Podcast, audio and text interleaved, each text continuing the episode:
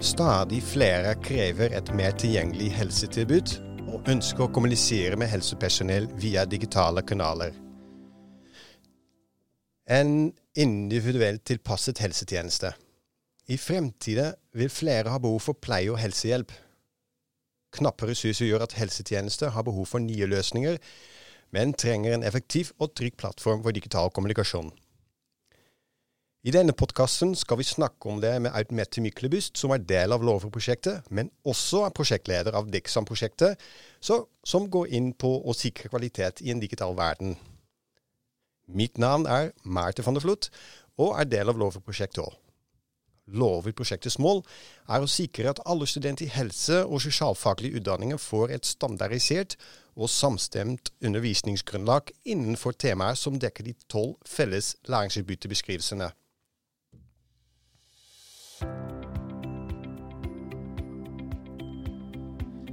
Aud Mette Myklebust, eller Mette som vi får lov å si, er påtroppende visedekan for utdanningskvalitet og samhandling i Fakultetet for helse- og sosialvitenskap. Hun er førsteamanuensis, radiograf og stråleterapeut av profesjonen.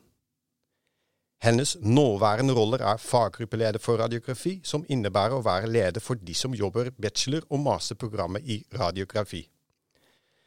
I tillegg jobber hun med samhandling med helseforetak og kommuner gjennom USN Profesjon. Det er masse erfaring, kunnskap og kompetanse, Mette. Og i tillegg har du blitt prosjektleder av prosjektet Dixam. Hva betyr dette egentlig, og hva står prosjektet for, Mette? Vær så god. Tusen takk, Marten. Ja. Det er spennende at du vil ha meg med på denne podkasten. Ja, det stemmer det. Det var dekan Pia Bing Jonsson Ja. som sammen med flere samarbeidspartnere utvikla prosjektet og søkte om midler fra Diku. Ja. Men etter at Pia ble dekan fra 1.8, så ble jeg spurt om å være prosjektleder. Ja. Og siden dette er et samarbeidsprosjekt mellom fem UH-institusjoner, Mhm. det er eh, NTNU, Norges tekniske naturvitenskapelige universitet, Høgskolen på Vestlandet, eh, HVL, Ja. det er Oslo MET, Mm. Universitetet i Tromsø og oss USN. Masse Eh, deltakere. Ja, masse deltakere. Så derfor så er jobben som prosjektleder, den består mye av å koordinere alle disse menneskene. Eh, Og det er mange flinke fagpersoner som skal gjøre den faglige delen i prosjektet. Eh, Så koordinering og holde styr på økonomien og rapportering, det blir mine oppgaver. Ja. I tillegg til å gjøre prosjektet kjent. Og DIGSAM, det er forkortelsen eh, på prosjektet. Det står for Digital sikkerhet i helse- og sosialfagutdanningene. Ja. Og hovedmålet med prosjektet er å sørge for at alle Norges kandidater i helse- og sosialfaglige utdanninger gjennom et samstemt og kvalitetssikret undervisningsopplegg tilegner seg kompetanse og oppnår læringsutbytte i digital sikkerhet. Og alle undervisere i helse- og sosialfaglige utdanninger skal ha mulighet til å tilegne seg kompetanse på dette området, de også. Wow. Det er masse masse, Mette.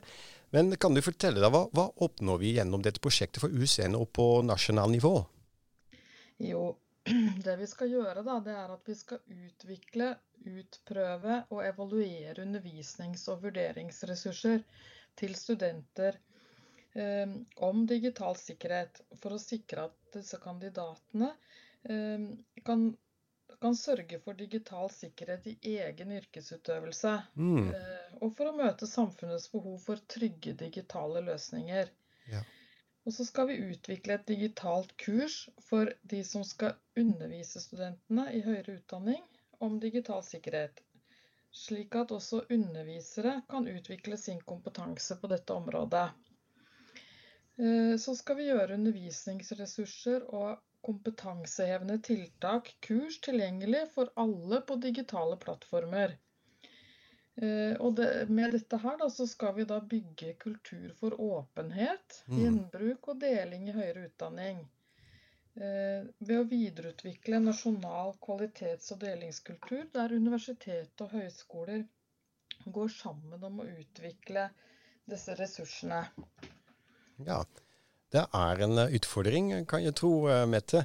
Ja. Um, så bare et spørsmål om det første poenget du hadde, om å utvikle og utprøve og evaluere undervisning og vurderingsressurser til studenter.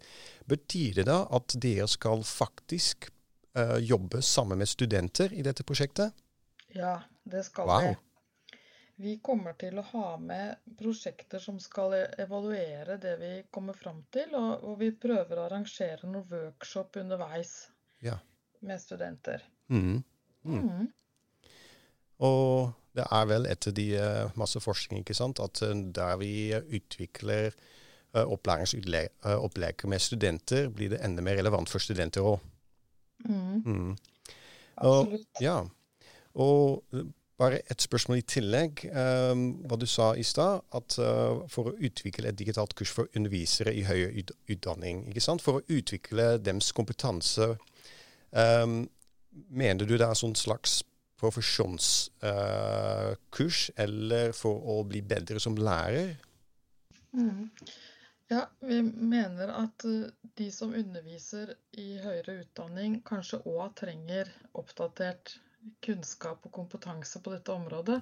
Så for å kunne ta i bruk de undervisningsressursene vi lager, og for å kunne undervise dette her, så, så tenker vi at, at eh, underviserne òg trenger mer kompetanse, da. Det gjelder jo selvfølgelig ikke alle, og dette er jo helt frivillig. Det kommer til å bli lagt ut ressurser som er da helt frivillig for underviserne å ta i bruk, selvfølgelig. Ja. Nå sier du frivillig. Uh, må det ikke være pålagt? Nei, altså det er jo ikke sånn at altså, Læringsutbyttene er Ja. pålagt for studentene. Det Mm. er jo nedsatt i, i de nye rammeplanene, nye forskriften, for alle helse- og sosialfagutdanningene. Um, men hvordan man kommer fram til det læringsutbyttet, det kan jo ikke vi bestemme. Men dette prosjektet er jo tenkt at det skal hjelpe til å få det, Ja. få det til, da, sånn at studentene kan lære dette her. Ja. ja, for det er én ting å, å utvikle deg på pedagogiske elementer, men i tillegg også den digitale kompetanse er veldig viktig.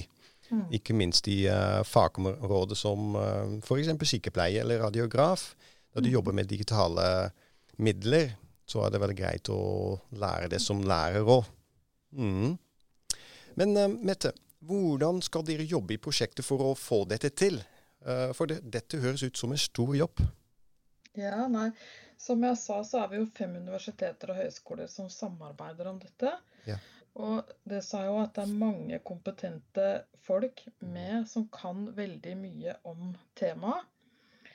Eh, mange kan mye om digital undervisning, og mange kan mye om pedagogikk òg. Ja. Så målet er å utvikle flere case eh, og filmer som kan tas i bruk da i utdanningene. Og til disse casene så tenker vi da å lage tilhørende undervisningsopplegg som underviserne kan velge å ta i bruk da, i sin helhet eller i deler. Mm. Akkurat nå så, så jobber vi med å planlegge faginnholdet. eh, Og gjøre noen didaktiske og, og pedagogiske vurderinger for hvordan vi skal få dette til. Mhm.